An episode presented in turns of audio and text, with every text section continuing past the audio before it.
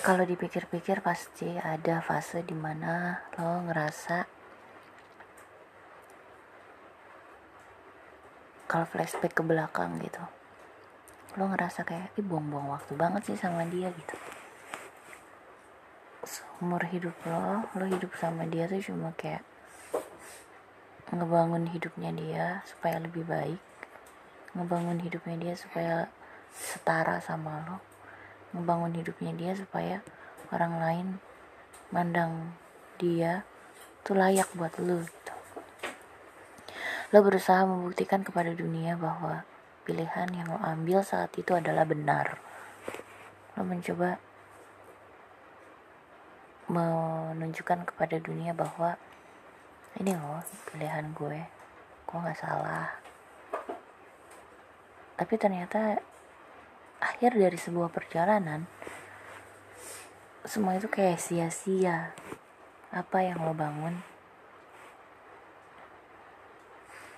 Nggak sehebat apa yang terjadi saat ini. Jadi gue rasa kayaknya lo harus berpikir ulang bahwa oke okay, 20 tahun kemarin it's okay ada atau nggak ada dia lo harus tetap jadi diri lo sendiri. Ada atau nggak ada dia lo tetap harus jadi perempuan yang hebat yang kuat gitu. Kalau menurut gue sih karena kalau misalnya lo pikirin terus selama 20 tahun hidup sama dia kayak aduh buang-buang waktu banget sih gue sama dia gitu. Dan lo banyak kehilangan orang-orang yang seharusnya udah nyayangin lo gitu. Ya itulah hidup.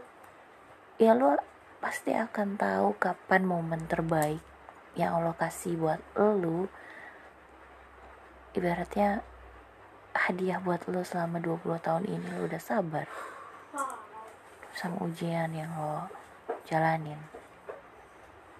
Kalau misalnya lo terus mikir-mikir ke belakang ah nyesel banget nyesel banget ya pasti nyesel dan pasti ambruk. Jadi buat gue adalah saran gue nih apa pun yang terjadi ke belakang ya udah berdamai aja nikmatin aja. Justru malah lo jadi kayak ngerasa orang yang dipilih oleh Allah dipilih oleh Tuhan untuk menjadi orang yang baik yang terbaik.